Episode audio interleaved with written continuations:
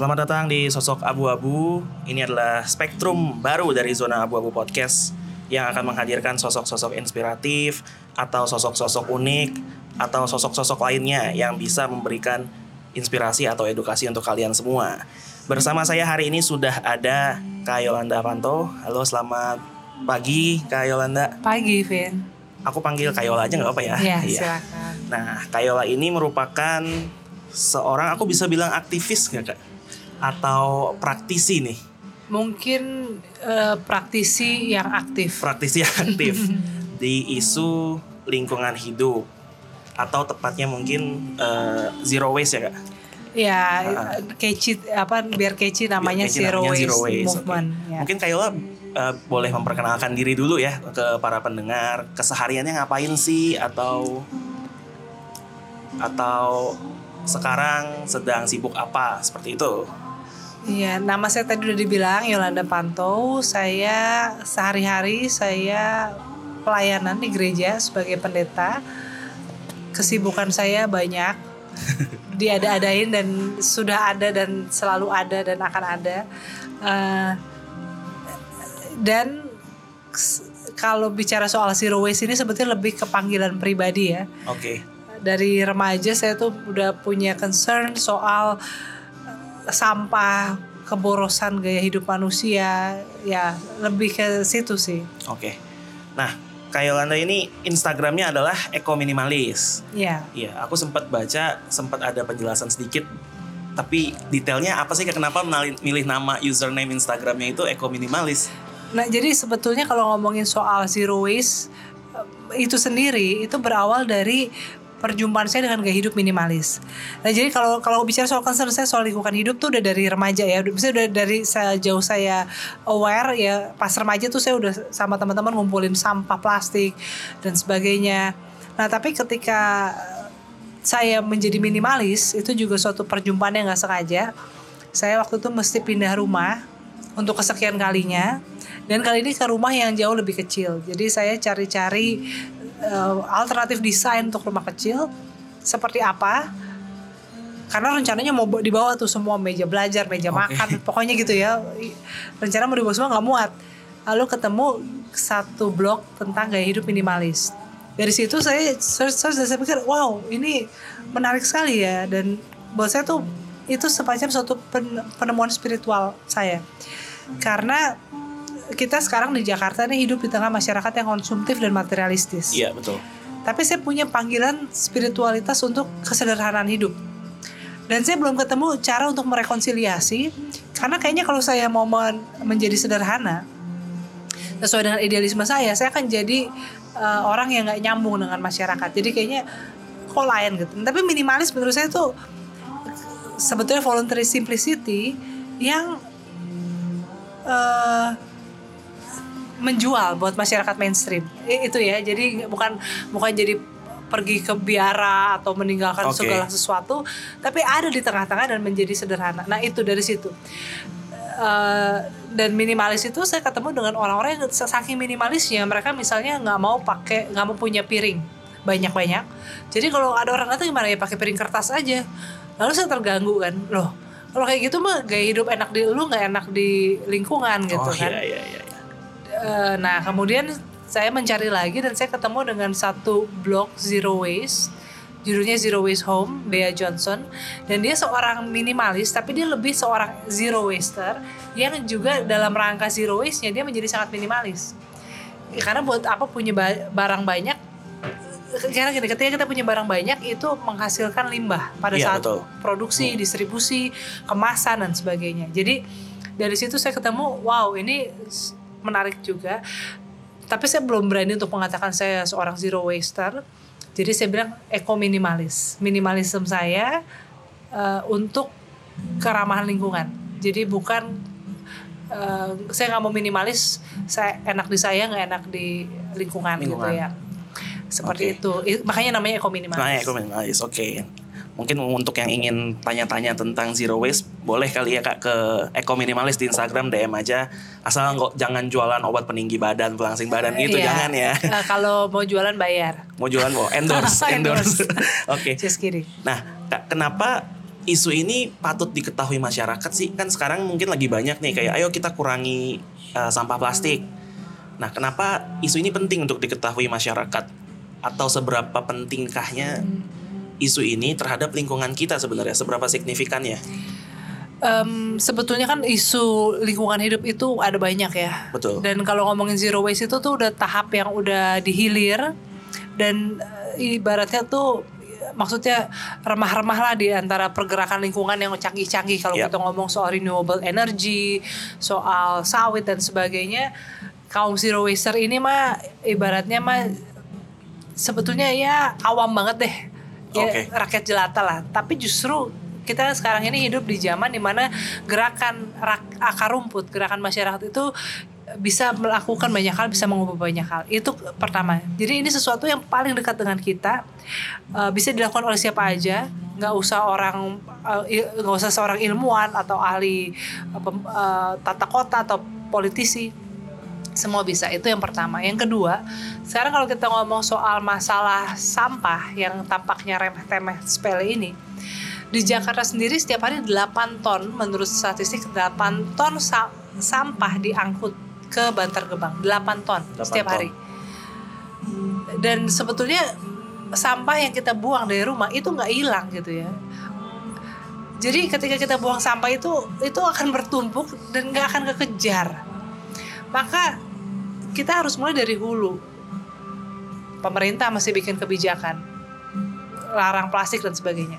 Tapi sampai sekarang pemerintah maupun pengusaha belum melakukan itu karena mereka cari yang gampang dan kepentingan ekonomi. Nah, jadi zero waste ini sebenarnya gerakan untuk melawan uh, hulu yang tidak berubah, tidak terjadi perubahan di situ dengan mengatakan ya udah kita menolak sama sekali barang yang menghasilkan sampah. Oke. Oke. Jadi ini lebih ke apa ya? eh, mungkin bisa salah satu solusi yang di, perso- secara personal ya kayak bukan Iya. secara masif gerakan Iya. dilakukan. Eh, tapi kalau tadi Kayola bilang pemerintah sebenarnya udah ada imbauan atau melakukan apa sih untuk untuk isu ini? Pemerintah eh, di berbagai negara ya, bukan cuma di Indonesia aja, sering kali tidak berani mengambil keputusan yang tidak populer ya karena juga mereka ada kepentingan di situ. Iya betul. Seperti misalnya dengan eh, bilang buanglah sampah pada tempatnya, itu tidak menjawab permasalahan. Sampah dibuang pada tempatnya lalu emang hilang? Enggak, itu bertumpuk. Itu satu. Lalu sekarang ada isu eh, mau bikin incinerator, waste to energy, sampah yang banyak itu dibakar aja jadi energi. Itu kayaknya cepat, tapi juga tidak menjawab. Kenapa? Karena hukum kekalahan energi ya, apa yang dibakar itu nggak kemudian memang hilang secara bentuk fisiknya, tapi secara kimianya kan racunnya itu masih ada Ya.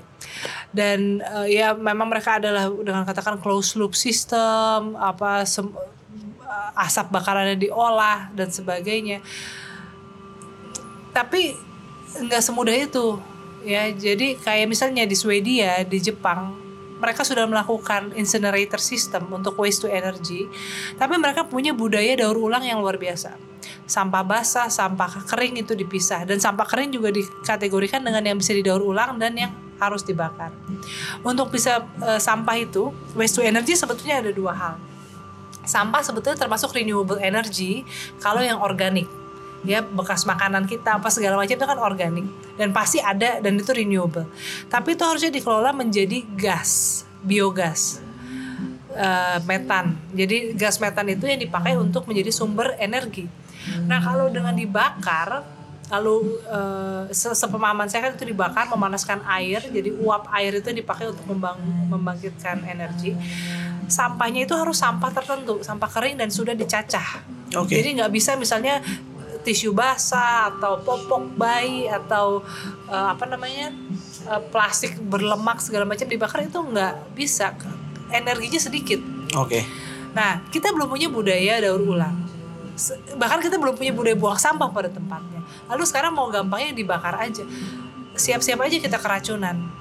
Udara makin tercemar, air juga masih tercemar.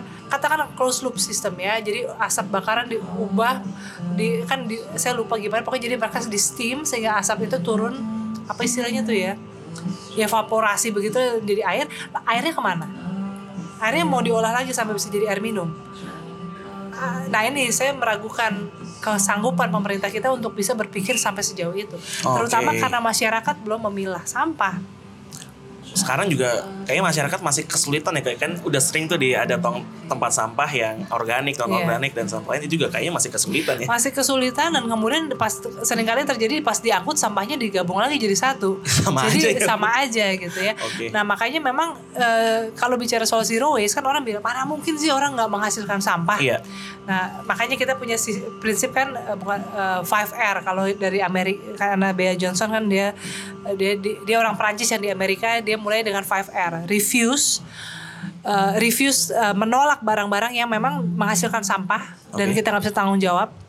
Jadi dia misalnya kalau dia beli susu dia bawa botol sendiri bahkan dia coba bikin bir sendiri apa segala macam benar-benar refuse ya.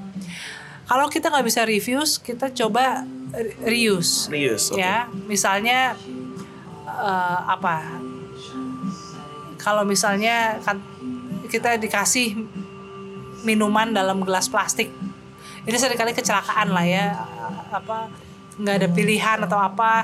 Ya mau nggak mau harus dipakai ya. Ya sudah sudah ter- sampah itu sudah ada di tangan ada, kita oke. gitu ya. Maksudnya misalnya eh, kita titip minuman sama teman atau kita udah ngasih gelas atau dia datang nggak nggak di ini sama pembelinya Oke. kasih apa. Nah gunakan plastik itu misalnya ya udah jadiin pot kembang atau pokoknya reuse. Oke. Eh, lalu reduce ya kayak misalnya ada hal-hal yang kita nggak bisa aduh mau nggak mau saya harus konsumsi. Misalnya obat. Oke. Yang lagi sakit kan ya.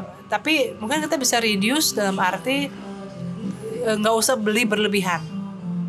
Ya kalau obat sih ada dosisnya sih. Tapi makanya ada maksudnya ada hal-hal yang kita mau nggak mau harus pakai itu reduce kurangi. Karena kadang-kadang manusia itu kan lebih banyak khawatirnya daripada butuhnya.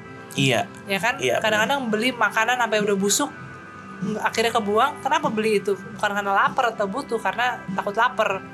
Atau diskon. Atau diskon ya kan serak keserakahan itu. Nah reduce. Baru prinsip keempat recycle. Oke. Jadi recycle itu bukan opsi pertama kan orang suka bilang gini kan kayak waktu itu saya bilang jangan pakai gelas plastik. Ah nggak apa-apa kan bisa didaur ulang. I'm sorry tapi emang kamu udah lihat sampai gelas itu dibawa ke tempat daur ulang jadi biji plastik lagi? Enggak kan. Kamu berpikir ini daur ulang. Tapi lalu kamu buangnya sampahnya bersama dengan sampah makanan yang berlemak segala macam gelas itu nggak akan ada harganya untuk daur ulang. Dia harus dicuci dulu. Dan untuk mencuci gelas plastik kotor energi dan sumber yang dihabiskan lebih banyak daripada kita cuci gelas beling eh, untuk dipakai lagi. Oke ya ya. Jadi kan orang suka berpikir kan lebih baik hemat air sama sabun daripada gelas kan mesti cuci lagi gitu. Gelas plastik yang didaur ulang itu harus dicuci lagi juga. Kalau nggak nggak ada nilainya dan harus kering. Itu repot lah gitu kan. Karena em, kalau misalnya di recycle plastik di recycle ada yang sekarang jadi minyak kembali Oke. jadi minyak eh, bumi ya. Itu harus dalam keadaan kering. Jadi kalau sudah basah aja tuh udah nggak ada nilainya. Jadi nggak semudah itu Ferguson ya. Nah, eh, re- recycle dan prinsip yang terakhir rot. Jadi refuse, reuse, reduce, recycle and rot. Rot ini membusukkan dalam arti composting. oke Nah, ada konsep Indonesia lebih mudah cegah pilah olah. Cegah, jadi cegah. Tadi kayak misalnya kamu ditawarin minuman pakai sedotan, kamu mencegah kamu Iya, balikin. um. Itu refuse kan, cegah. Lalu pilah. Kalau memang sampah itu tak terhindarkan, kita pilah sampah basah, sampah kering. Sampah kering itu lalu kemudian diolah. Sampah basah diolah menjadi kompos. uh, atau bisa ekoenzim gitu ya dari kulit buah difermentasi dulu bisa Oke. jadi pembersih Aha. lalu kalau sampah kering dipilah juga diolah juga jadi jangan kita tuh harus gini bertanggung jawab sampai memastikan itu sampai kalau bisa sampai karena gini kayak misalnya kita udah milah-milah terus kita males menyalurkan ke bank sampah ya udah sama tukang sampah kan di olahnya dicampur lagi campur lagi betul jadi kita memang nggak boleh males. Kalau malas cegah, tolak aja dari awal. Kalau nggak mau menolak, ya kamu harus tanggung jawab. Nah kayak misalnya kalau saya, saya bawa ke gereja karena di gereja saya ada bank sampah mini sih. Eh, jadi kita kumpulin di situ. Se- Sejauh ini sih saya masih memang sampahnya plastik, kaleng, gelas, sama kertas. Ya ya seperti itu. Dan sebetulnya ada banyak yang nggak nggak laku untuk didaur ulang kayak stiker. Stiker tuh nggak bisa. Double tape. Ada sorry selotip selotip Kenapa? Karena itu plastik tapi juga ada lemnya. Oh, itu nggak bisa oke. daur ulang. Iya iya iya iya. Jadi se- termasuk juga kayak kertas bond yang licin-licin tuh, Oh, iya, itu iya. juga nggak bisa. Oke. Nah jadi sebenarnya ada banyak hal yang itu memang hanya akan jadi sampah. Nah kalau kayak di Swedia saya lihat waktu itu itu memang masuknya ke kategori untuk dibakar. Seperti itu. Oke. Nah, Kak, aku sih sebenarnya mengangkat topik ini selain karena ini memang penting diketahui masyarakat, tapi aku sendiri lagi mencoba untuk em, mengurang-urangi nih. Kayak makanya tadi kan sedotan plastik aku nggak pakai. Kayak kalau di rumah misalnya aku beli nasi goreng gitu ya aku bawa tempat sendiri gitu kan. Tapi tetap aja di rumah kayaknya masih banyak yang akhirnya jadi sampah. Kayak contoh misalnya untuk air minum tetap aja kita pakai aqua harus ada kemasannya. Kayak beli minyak ya tetap aja ada kemasannya dan lain-lain. Nah kalau dari Kayola sendiri mungkin adakah solusi untuk untuk aku pribadi nih misalnya ya hal-hal yang seperti itu yang mungkin bisa diterapkan juga sama teman-teman di rumah. Nah, ini memang susah apalagi kalau kita serumah dengan orang-orang yang eh, nggak se-concern itu ya Iya, soal betul. lingkungan. Jadi eh, ya kadang-kadang kita udah berusaha mengurangi eh toto ada yang bawa pulang eh, nasi bungkus pakai styrofoam gitu. Styrofoam ya, Ya, nah, aduh. Oke, jadi pertama kalau soal kayak gini kita belajar kita membatasi diri fokus pada diri kita sendiri deh. Karena kalau untuk orang lain nanti jadinya kita frustrasi. Tadi kamu bilang misalnya kayak soal minyak. Eh apa, se- sebelum minyak apa tadi satu lagi Eh, ini air minum. air minum oke Iya. nah air minum dulu air minum itu makanya aku pernah eh, ada juga tuh videonya eh, boleh dicek di eh, Instagram aku ini sekalian promosi ya endorse Gak ya. apa-apa. Jadi masalah dengan air minum dalam kemasan adalah bukan saja menghasilkan sampah, itu ada privatisasi sumber air. Masyarakat biasanya adalah masyarakat yang hidup dalam kemiskinan, yang hidup dekat sumber mata air. Mereka jadi terhalang aksesnya ke air bersih karena diprivatisasi. Dan mereka nggak mampu untuk beli air dalam kemasan yang sebetulnya tadi gratis mereka ambil, mereka nggak mampu sehingga sering kali mereka hidup minumnya pakai air kotor. Oke. Nah itu kan coba ketidakadilan ya demi kenyamanan kita ada orang lain yang berkorban. Lalu ketika sudah dibotol-botolkan itu ada juga orang yang nggak mampu beli Ya. ya dan eh, ya mereka akhirnya ha- makanya ini tanggung jawab pemerintah banget harus menyediakan air minum eh, accessible tanpa kemasan buat warga itu tuh kayaknya tuh udah harus deh zaman sekarang tuh nggak kita kan suka eh kalau keluar negeri kita bisa minum langsung dari Iya wastafel dari gitu ya ya. itu mestinya bukan sesuatu yang menjadi milik luar negeri aja itu tuh udah harus kita tuh udah harus karena air kan ke- kebutuhan dasar banget Betul. jadi eh, ya sama kayak misalnya kalau oksigen kalau udara tercemar karena kebakaran hutan kan pemerintah harus tanggung jawab. Iya. kalau air di keran nggak bisa diminum pemerintah juga harus tanggung jawab. Menurut aku sih itu solusi jangka panjangnya. Nah untuk sekarang memang eh, yang bisa kita lakukan tahap tadi reduce ya. Oke. jadi eh, ini ini aku tadi contohnya salah bukan obat. Ri- air minum contohnya. Karena kita sekarang nggak eh, ada orang yang mampu beli mesin pengelola air tapi itu kan mahal. Iya. Uh, dan sekarang orang tinggal makin sempit. Kayak anak kos kosan nggak mungkin beli uh, mesin itu kan. Iya.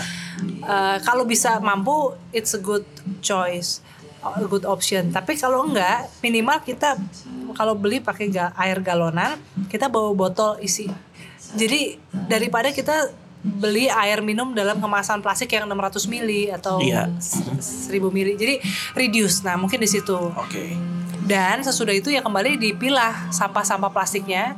Galonnya kan di reuse tapi Iya, galonnya di reuse. uh, tutupnya apa segala macam segelnya itu kita pilah dan Oke. kita uh, salurkan. Oke. Nah, aku sekarang promosi juga itu untuk yang mau beli alat untuk mengolah ulang air, kantor aku jual. Jadi Oh ini endorsement En- endorsement boleh beli lewat ya. saya ya, teman-teman semua. Nggak nggak bercanda. Nah, Kak, nih aku taunya kan Kayola juga eh, tergabung dalam sebuah komunitas ya. Ini kalau salah mungkin boleh tolong dikoreksi ya, Kak. Eh, Zero Waste Nusantara, bener ya? Ya betul. Itu Kayola sebagai apa, Kak? Ya? Co-founder. Co-founder dari Dan juga admin yang accept accept friend- apa apa request. request. Oke. Nah, Kak, Zero Waste Nusantara ini eh, apa sih kom- eh, sebagai komunitas yang mengedepankan zero waste tentu saja kan. Hmm. Nah, terbentuknya kapan dan tadi kan Kayla bilang co-founder mungkin gimana terbentuknya dengan founder yang lain gitu. Mungkin boleh diceritakan sedikit soal bagaimana cara eh, Zero Waste Nusantara ini terbentuk. Ini jadi sebetulnya iseng bukan iseng-iseng ya pergumulan beberapa temen yang memang concern soal lingkungan. Lalu waktu itu em, jadi ada waktu itu ada Ibu Evelyn Sulaiman eh, dosen UI dia memang dia dia memang jadi ini memang ada generasinya ya. Generasi dia tuh yang saya belajar banyak dari dia tentang eh, dia dia punya visi 2030 Indonesia bebas sampah. Oke. Eh, itu misalnya Bu Evelyn lalu kemudian waktu itu kita juga ngajak Ibu Melinda Swandi saya belajar dari dia soal menggunakan lerak. Eh, ya dan dia udah dari zaman dulu lah dia ke mana-mana pakai sapu tangan dan sebagainya. Lalu ada teman saya Jenny Primasari itu teman eh, remaja di gereja. Lalu ada beberapa lagi yang mau ikut. Nah tapi dari situ kita saya lupa tahun berapa kalau saya 2015 kayaknya ya. Oke. atau 2014 kita kumpul ketemu ngobrol. Terus ya udah apa yang bisa kita lakukan? Ya udah bikin aja Facebook group. Udah cuma itu doang Facebook group. Terus em, dari situ ternyata awalnya tuh saya agak maksa jadi teman-teman saya saya masukin aja ke grup itu ya kan mereka suka Oke, oke. suka nggak suka, Suka tapi suka, saya masukin masuk aja gitu aja ya. kan tapi kemudian sekarang tuh udah mulai banyak jadi yang ini saya mulai remove kayaknya kasihan deh dia mungkin nggak suka sebetulnya kan ya kas- jadi saya saya delete ya kalau mereka mau tinggal gabung lagi gitu kan Oke. dan ternyata eh, makin bergabung. Nah, lalu waktu itu si di bulan Juli tahun lalu kan itu kan Juli Plastic Free July. Iya. Nah Jenny bilang eh, dia mau bikin grup WhatsApp. Ah dia coba tawarin. Eh, jadi ada Facebook ada Instagram. Kalau Instagram yang pegang yang pegang Jenny. Oke. terus em, posting-postingnya jadi Jenny. Kalau Facebook kan lebih komunitas ya kita Iya, sharing ah. apa segala macam. Nah terus dia mau bikin WhatsApp grup untuk eh, Plastic Free July Eh ternyata yang ikut banyak. Jadi sampai ada tiga WhatsApp grup. Jadi satu Wow. WhatsApp grup kan 300 maksimal. Iya. Jadi itu sampai ratusan orang dari seluruh penjuru Nusantara gabung ya lewat teman-teman gitu ya gabung dan mereka itu bikin keluap. Saya baru bergabung belakangan karena saya bilang aduh I have too many WhatsApp groups ya kayaknya nggak dulu deh. Tapi waktu itu saya diminta jadi narasumber Kulwap itu kuliah WhatsApp. kuliah WhatsApp Oke, ya. menarik. Kuliah WhatsApp. Nah, jadi waktu itu saya diminta jadi pembawa keluap untuk tema zero waste travel. Jadi Oke. saya dimasukin lalu ke dan ternyata itu serius sekali. Maksudnya profesional deh pengelolaan keluapnya itu. Nah, Oke. dan di situ memang berkumpul orang-orang yang concern dan juga para pakar juga dan ya udah kita kumpul di situ ternyata banyak ya dan eh, ini juga sangkut paut dengan komunitas organik misalnya walaupun komunitas organik nggak ngomongin zero waste tapi concern-concern back to nature ini kita share Oke. nah jadi ya seperti itu sih Oke. Ja- ya. Jadi kegiatannya eh, selain kulwap mungkin ada kegiatan lain nggak kak dari Nah, ZWN ini? waktu itu ZWN uh, Zero Waste Nusantara sih belum ada kegiatan apa pun selain sosial media. Oke. Tapi eh jadi karena tadi ya bisa gabung dengan komunitas organik Indonesia yang sudah jauh lebih besar, mereka pernah bikin event di mall eh, bazar dengan ada talk show. Nah, jadi Zero Waste Nusantara maksudnya saya dan Jenny kita pernah jadi salah satu narasumber talk show itu. Eh, ya walaupun yang denger ya para penunggu basar itu. Iya iya. iya. tapi tapi ya maksudnya eh, artinya kita udah masuk ke mall itu kan Oke. udah menjadi bagian dari eh, gaya hidup mainstream lah gitu ya seperti itu. Oke. Nah kak, eh, sampai sekarang grup, berarti grup WhatsAppnya masih ada dan masih aktif ya. Nah mungkin kalau buat teman-teman yang mau join boleh kak, yang dengar mau join? Boleh, boleh. Nanti eh, sekarang sih udah sampai empat ya. Udah empat ya? Udah empat. Nanti Oke. mungkin eh, namanya bukan Zero Waste Nusantara tapi Tampah, pantang Tampah. nyampah. Oke. Karena kita sempat berpikir ini kita kan sebetulnya belum benar-benar zero waste. Kita masih Iya, iya, iya, iya. ini daripada kita namanya kegedean, kebesaran nama dan bikin orang takut jadi dibilangnya pantang nyampah. Pantang nyampah, oke. Eh, nanti deh dibikin ininya ya eh, apa QR code untuk join. Untuk join, Ya, oke. nanti ya saya usulin. Oke, gitu. nanti kalau mau join dipantengin aja ya. Iya, di Eh, Instagram di Instagram saya. Eko Minimalis atau Zero Waste Nusantara. Instagramnya apa? Zero Waste Nusantara. Zero Waste Nusantara tanpa underscore tanpa, Tanpa titik. underscore, ya, Oke, sambung. jadi Eko Minimalis dan Zero Waste Nusantara buat teman-teman yang mau join di grup WhatsAppnya boleh dipantengin aja Instagramnya. Nah, Kayola, tadi aku juga sempat ngumpulin beberapa pertanyaan nih dari dari netizen, asik dari netizen. Jadi ada beberapa teman-teman yang mau tanya em, tentang beberapa keresahan mereka soal masalah zero waste juga. Nah, ada empat nih. Yang pertama, eh, orang ini kalau pesen barang online pasti biasanya barangnya di wrap pakai bubble wrap. Nah, ada nggak sih kak barang pengganti atau pembungkus pengganti selain bubble wrap untuk Koran alternatifnya? bekas. Koran bekas. Iya. Tapi apakah biasa kan ada yang nggak mau karena barangnya lebih rentan rusak? Nah, eh, sebetulnya ini kan juga kembali soal persepsi kita ya. Kayak misalnya ini agak menyimpang dikit nih. Contohnya mencuci dengan lerak dibanding dengan sabun. Lerak itu kalau mencuci tuh nggak ada busanya. Oke. Sementara kita tuh berpikir kalau banyak busanya tuh artinya bersih. Lebih bersih, ya. Nah, padahal tuh busa itu yang bikin baju bau asem karena Oke. harus dibilas benar-benar sampai bersih dan airnya jadi lebih boros. Oke. Ya kan kalau nggak bersih jadi kan bau kan. Nah Hmm. sebenarnya lerak itu cukup dibilas sekali tapi bersihnya sama gitu. Ini ini contoh. Oke. Sama bubble wrap sama koran bekas. Apa yang membuat bubble wrap lebih kuat daripada koran bekas? Kalau bicara soal ketebalan dan sebagainya kan. Bahkan ada temen yang pakai daun kering. Jadi Daun kering. dia eh, dia seorang zero waster, bukan ya, eh, maksudnya ya bukan zero waster dia mau dia online shopper yang juga punya concern soal lingkungan. Dia pakai daun kering untuk eh, bungkus barang-barangnya. Jadi Ya. ya itu saya lupa sih barang dagangannya apa tapi kayak botol-botol gitu pakai daun kering. Ya. Jadi kan kalau koran bekas kan masih menghasilkan sampah. Iya. Dia pakai daun kering yang memang sudah sudah emang. jatuh ke tanah gitu. Oke. Nah, itu satu contoh. Em, dan kalau kalau belanja online tuh memang dilemanya sih di situ lebih murah tapi sampahnya banyak. Salah satu yang bisa kita lakukan kita request ke penjual. Oke. Eh, dan kadang-kadang penjualnya oke ngerti kok. Jadi kita minta tolong nggak usah pakai plastik dan minim selotip. Nah, Oke. sambil dijelasin. Oke, I Dan kalau kita rame-rame itu ya gerakan akar rumput. Kalau kita rame-rame terus bikin gitu, lama-lama jadi mainstream. Contohnya sekarang sedotan deh. Di beberapa tempat kan sedotan udah nggak ada, bahkan Iya. diganti dengan bambu. Padahal kan itu hal yang kecil banget, tapi artinya bisa gitu kan. Kita Iya. bisa membawa perubahan. Ya, karena kan ada dulu sempat ada kayak quote-nya kan, eh, ya nggak apa-apa cuma satu plastik, tapi yang ngomong Itu satu juta 7 orang, miliar iya. orang, betul. Jadi berdampaknya cukup besar. Nah, soal sedotan nih Iya. kak sekarang. Nah, ini ada orang lain yang tanya, eh, sedotan stainless itu lebih baikkah digunakan daripada sedotan plastik atau justru malah waste lebih banyak? Dan sedotan plastik, eh sedotan stainless itu apakah lebih dalam tanda kutip lebih aman Untuk kesehatan. untuk kesehatan? Nih kalau ngomong soal sampahnya kalau sedotan stainless kali pakai buang ya iya sampahnya lebih banyak gitu ya. Iya, iya, iya. Tapi kan ini kan reusable. Reusable, oke. Eh, saya sendiri saya saya tuh nggak pernah beli loh sedotan sedotan itu dikasih karena orang Oke. pikir saya suka kan. S- buat saya ya kalau nggak ada sedotan dikokop aja langsung. Iya, saya juga pilih gitu Iya kan? Mending nggak pakai sedotan. Eh, cuma kalau minum kelapa aja kita perlu pakai sedotan.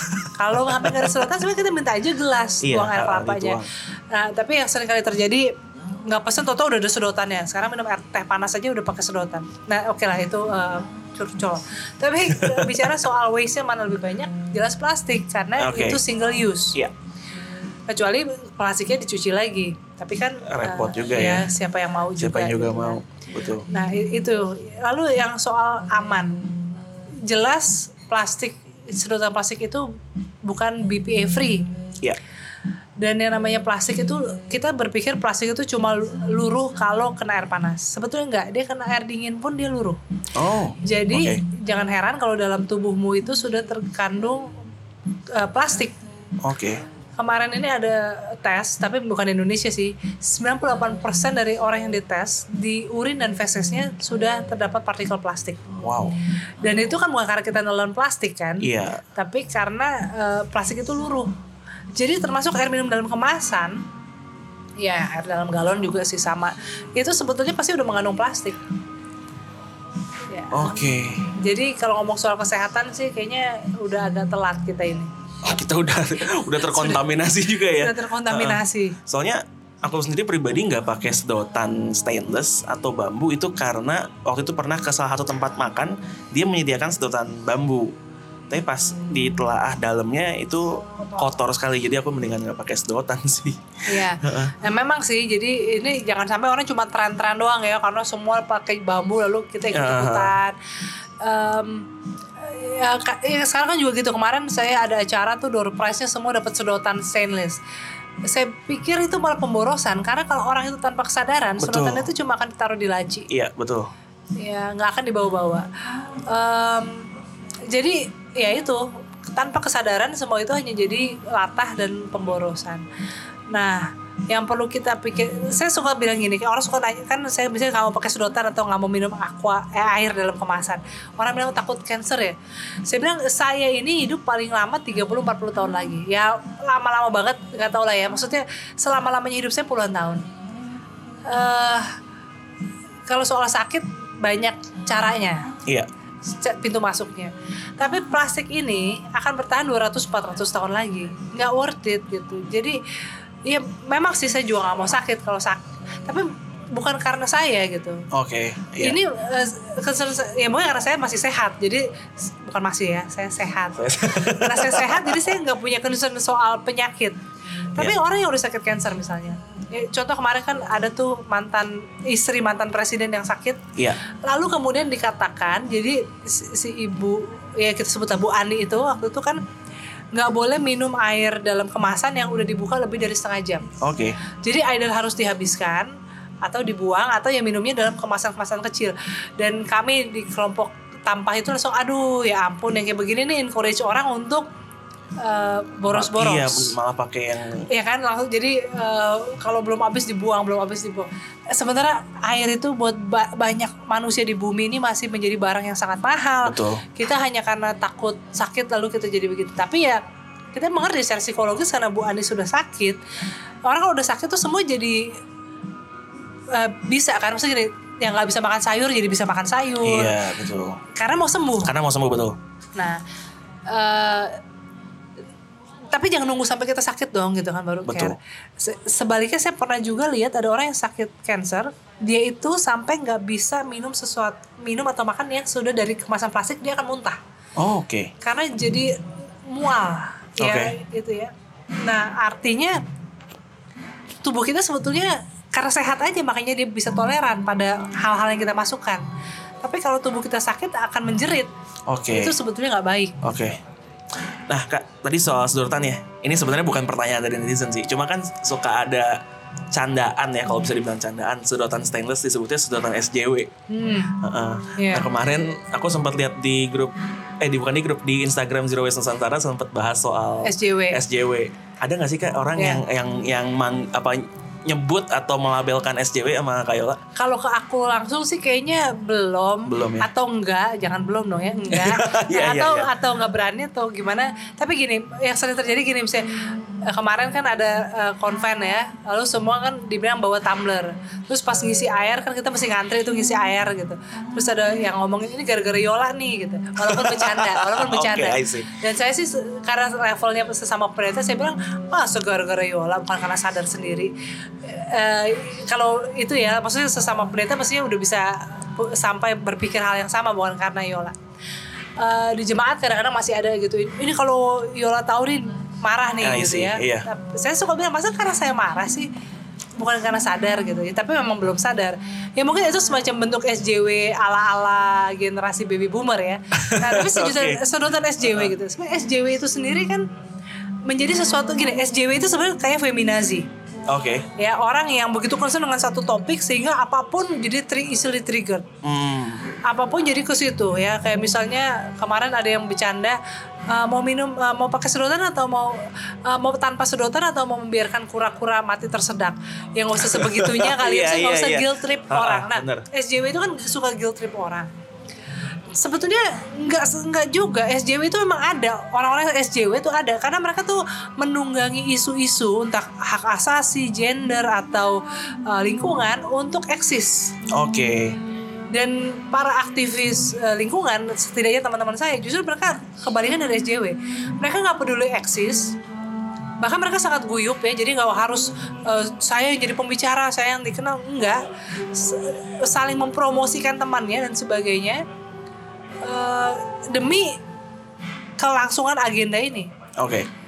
Eh, nah SJW itu sebetulnya menjadi menyebalkan karena mereka lagi mem, eh, eksis, cuma nu- numpang eksis dengan agenda-agenda yang tren. Betul. Kalau aku lihat malah kayaknya sebenarnya nggak ada bahas ke sana tapi semua dikait-kaitkan sama agenda mereka gitu. Iya, Ah. itu dia. Nah, makanya orang kan sebel dengan SJW tuh kayak gitu. Dan dan gini, eh, se- sekarang ini orang yang dikit-dikit melebeli orang SJW sebetulnya itu orang yang males berdebat dan langsung melempar label aja gitu ya. Oke.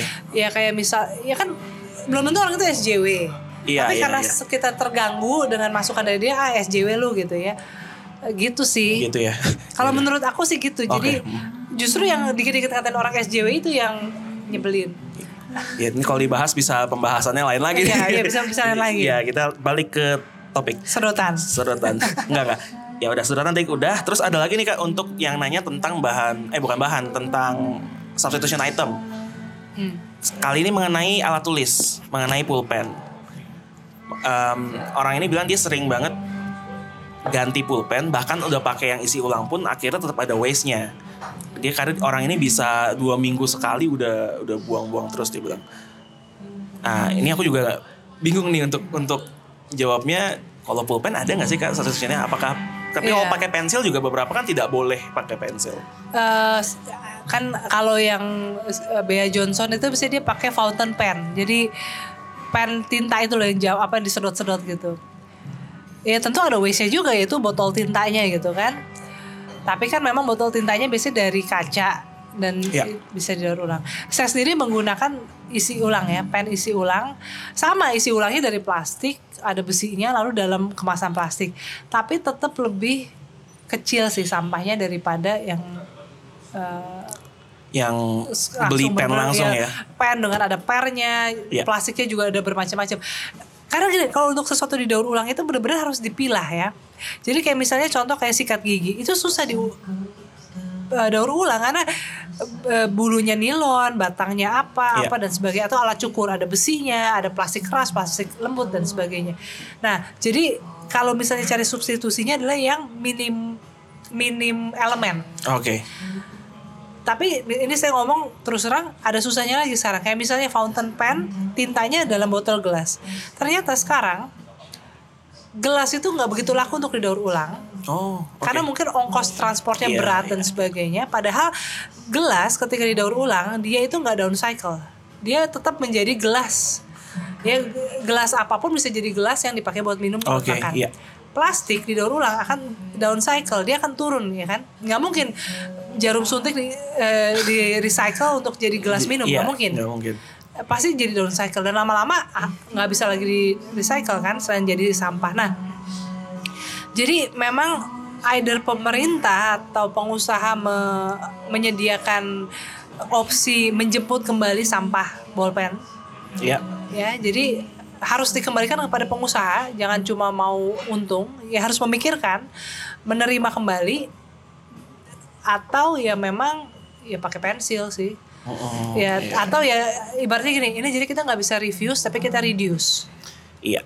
Jadi untuk sekarang mungkin yang bisa kita lakukan adalah meminimalisir kali ya. meminimalisir dan itu mencari opsi dengan elemen sesedikit mungkin sehingga proses daur ulangnya mudah Iya. dan memastikan itu didaur ulang. Nah, contoh ini, ini saya lagi ngomong soal tanggung jawab pengusaha ya. Dan ini bukan PL lagi se- kopi kopi kapsul. Oke. Itu kan sempet tuh ya apa eh, untungnya mahal. Jadi di Indonesia nggak semua orang punya. Tapi ketika saya di Belanda, hampir rumah setiap rumah tangga tuh punya mesin kopi yang kapsul itu. Iya. Dan kapsul itu tidak eh, tidak bisa didaur ulang. Nah, yang dilakukan oleh pengusahanya adalah mereka memberi layanan menjemput sampahnya Oke. supaya mereka mereka akan olah lah tahu diapain atau kayak Tetra Eh, sebut merek ya Tetra Pak itu kan perusahaan dari Swedia mereka juga punya layanan menjemput ulang sampah eh, kotak minuman yang Tetra Pak gitu kan tapi cuma yang merek Tetra- Pak karena itu juga nggak bisa didaur ulang se- semudah itu karena itu kan kertas aluminium plastik di press together kan Iya. jadi gimana orang bisa daur ulangnya? Nah jadi itu yang perlu dilakukan oleh perusahaan, pengusaha bertanggung jawab pada Oke. produk mereka. Oke. Ya mudah-mudahan perusahaan dan pengusaha di Indonesia juga mau berpikir ke arah sana ya. pasar harus drive ke situ. Jadi kalau pasar itu kita konsumen bilang saya nggak mau beli barang kamu unless you are Oke, responsible iya. with the waste, mereka akan do something about it. Ya, jadi people power ya. People power yang beneran nih, bukan yang people beneran power kan yang nggak- sekarang nggak- lagi didengung-dengungkan Iya, people power tapi yang ya. nggak nggak jelas cenderungannya kan. Iya. Nah, ini ada pertanyaan terakhir Kak dari netizen dan yang uniknya pertanyaan ini adalah tidak ditanyakan oleh satu dua orang aja, ada beberapa yang nanyain. Mereka nanya em, kalau kita mau pakai gaya hidup yang lebih eh, kurang lebih lebih ramah lingkungan, lebih minim sampah, kok kesannya kita lebih mahal ya jadinya. Kayak contoh yang mereka berikan rata-rata adalah shopping bag. Kita beli shopping bag malah jadi lebih mahal gitu. Nah ini ini ada istilah lain hipster. Hipster, oke. Hipster itu se- agak mirip dengan SJW tapi hipster itu jadi gini dia akan melakukan sesuatu karena eh, dia hip kan Pengen beda ya. sebelum ya apa Sebelum orang lain- ya sebelum, sebelum orang lain melakukan ya. sebelum apa before it becomes mainstream dia udah melakukan Iya. dan memang hipster ini yang, yang mendrive pasar juga sehingga menimbulkan produk-produk yang mahal yang unnecessarily mahal kayak misalnya saya, saya kasih contoh ya Ta- saya punya tas belanja saya suka dikasih orang bolak balik hilang itu sih karena tasnya bagus saya berharap ketika hilang nggak jadi sampah tapi dipungut orang eh, dan, Dan jadi dipakai ya. dipakai ya, Nah. jadi ikhlas lah hilang ketinggalan apa gitu loh gitu nah saya pakai aja tas begini ini span bound eh, ini kan juga sebenarnya plastik Iya. tapi jauh lebih kuat. Ini kan gratis. Ya saya pakai aja, saya bawa di tas. Kalau adanya ini, sampai ntar siapa tahu ada yang ngasih lagi. Mungkin netizen yang mendengarkan podcast ini ada yang tergerak hatinya mau ngasih saya tas belanja. Jadi, ma- ma- no, no, I'm, I'm just kidding. My point is, gak usah mahal. Oke. Yang penting fungsinya. Kan saya sedotan saya bilang. Saya nggak pernah beli sedotan, bukan soal dikasih. Kalaupun nggak pernah dikasih, mungkin saya nggak pakai. Karena menurut saya ya udah dikokop aja. Iya, benar. Kenapa harus jadi punya sedotan? Kalau tas belanja kan nggak usah beli tas yang mahal. Yang salah kan beli tas yang mahal. Iya. Ya pakai aja yang ada. Eh, apalagi contoh kayak kemarin ada yang mau nitip saya sendok garpu buat dibawa di mana-mana. Saya bilang ya pakai aja sendok garpu di rumah. Iya, tinggal bawa ya. Makanya kenapa mesti ada sendok garpu khusus yang beli Iya, di iya, iya, toko iya. travel. Ha. Jadi, ini kayak misalnya ini saya ini saya reuse dari pesawat. Oke. Eh, tapi ini boleh dibawa pulang kalau saya bukannya suka ngambil barang dari iya, pesawat iya, gitu ya. Iya, iya, iya, I see. Em, karena ini bagus dan ringan, ya udah saya pakai aja kan. Dan ya tempatnya ini dikasih orang. Eh, Ada eh, namanya nih. Ada namanya ya. Ada jadi namanya. ini karena kasih. Tapi jadi poinnya gitu. Jadi yang bikin mahal itu karena hipster. Oke. Eh, yang ya itulah ya. Eh, mereka kayak mau pakai shopping bagnya yang yang sebagainya. yang gaya, yang Iya. trendy ya. Makanya padahal ibu-ibu kita ya bukan cuma ibu-ibu sih, tapi kearifan lokal kita itu udah banyak kayak bungkus daun, besek segala macam. Oh iya benar. Ha. Eh, sekarang nih bentar lagi para hipster di belahan bumi utara akan meng- menggunakan besek sebagai kotak makan mereka dan it's a new trend dan harganya mungkin bisa jadi 50 dolar. Wow. Bi- bisa jadi I don't know I'm, I'm just Iya, iya. exaggerating tapi maksudnya sementara itu tuh di kampung tuh udah dari dulu begitu. Iya iya iya benar. Jadi kearifan lokal kita tuh nggak mahal dan bisa kita gali. Yang salah tuh kalau kita meng- mengacu pada eh, gaya hidup tren-trenan latah jadinya. Oke. Jadi sebenarnya kita untuk menerapkan zero waste, meminimalisir sampah ini juga ramah ya terhadap kalangan ekonomi yang menengah ke bawah. Ya justru itu dan malah justru sebenarnya lebih ramah kepada eh, kantong ya. Kayak misalnya contoh, saya merasa saya tuh sampai saya nggak tahu harga shampoo berapa, karena saya jarang banget beli shampoo. Oke. eh ya itu saya menggunakan misalnya baking soda atau eh, lerak dan sebagainya. Jadi saya nggak tahu tuh harga pasarannya berapa. Karena saya sangat jarang beli. Artinya kan ada penghematan yang saya lakukan. Kayak, Oke. kayak sekarang contoh saya ngepel itu pakai eh, ekoenzim kan. Ekoenzim itu kulit buah direndam pakai gula Oke. tiga bulan lalu dia berfermentasi jadi alkohol dan cuka eh, vinegar itu bisa Oke. untuk membersihkan jadi saya nggak usah beli tuh segala macam celang celing celong yang di apa Iya. di supermarket Iya. gitu jadi Ah. sebenarnya lebih hemat kalau mau Ya. Nah, kalau kebijakan plastik berbayar kak yang di kayak di supermarket atau di tempat-tempat semacamnya, kan sekarang plastik berbayar lagi nih. Biasanya 200 perak. Menurut Kayla sendiri ini efektif nggak sih? enggak Yes. Karena cuma 200. 200 gitu. Ya kan? Iya. Eh, ya kalau mau dimahalin.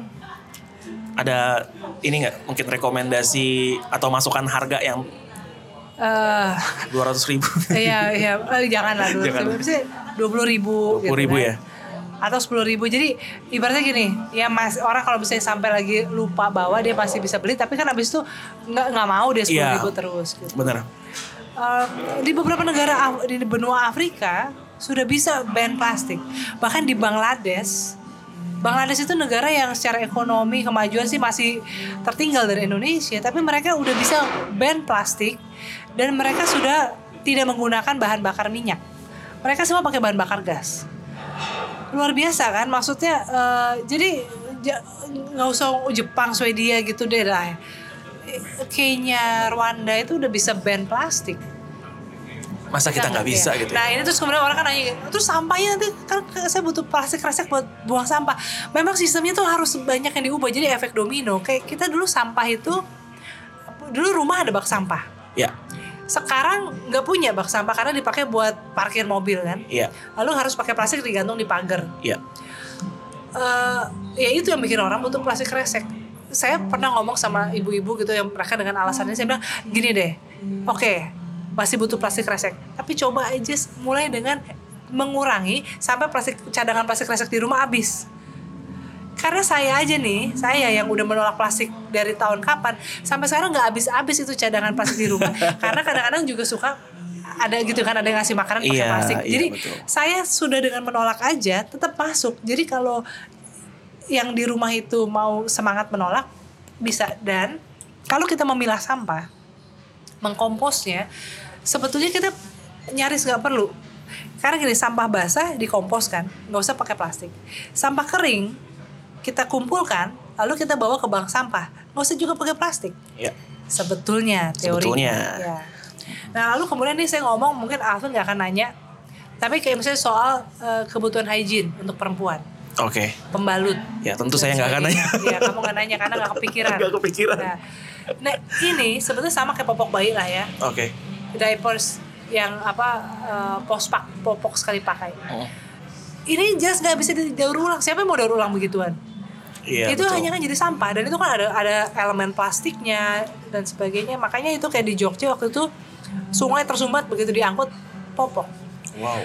kita nggak bisa bilang ya makanya jangan dibuang ke sungai itu kadang-kadang bukan karena orang buang ke sungai karena saya pernah lihat di daerah sini tukang sampah di, mendorong isi gerobaknya ke kali ya mungkin karena nggak diangkut-angkut Iya, dia mau iya, ke mana iya. ya dibuang aja sini. Betul. Tuh ya inilah makanya sistem reformasi mental kita perlu banget di masyarakat kita. Nah jadi kalau yang cewek-cewek atau eh, yang punya bayi coba pakai eh, cloth diaper. Jadi dari kain. Oke. pembalut dari kain popok dari kain yang bisa dicuci.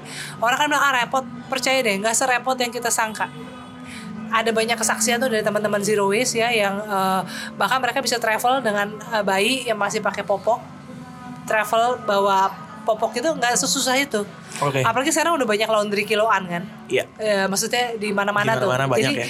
eh, bisa eh, bisa diakali lah gitu. Oke.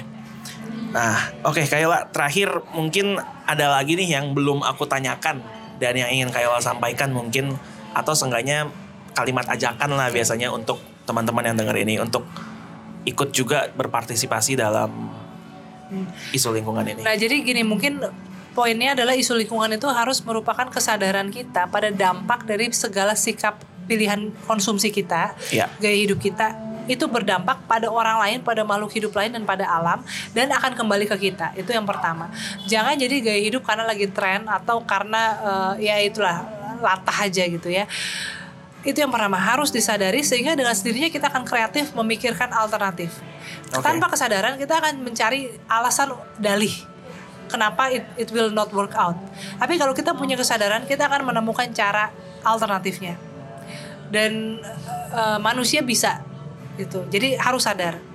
Lalu yang kedua, em, jangan misalnya kayak contoh minimalisme ya, balik lagi soal eko minimalis Oke. tadi.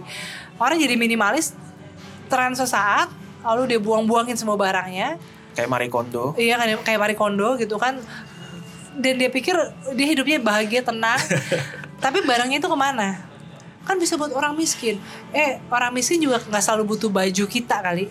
Mungkin dia Iya. butuh pekerjaan Betul. butuh tempat tinggal bukan butuh baju bekas. Jadi sementara itu sebenarnya jadi sampah. Nah jadi jadi jangan don't be self centered itu intinya gitu. Oke. gaya hidup ini hanya bisa terjadi kalau kita punya kesadaran dan tidak menempatkan diri kita sebagai puncak kenyamanan.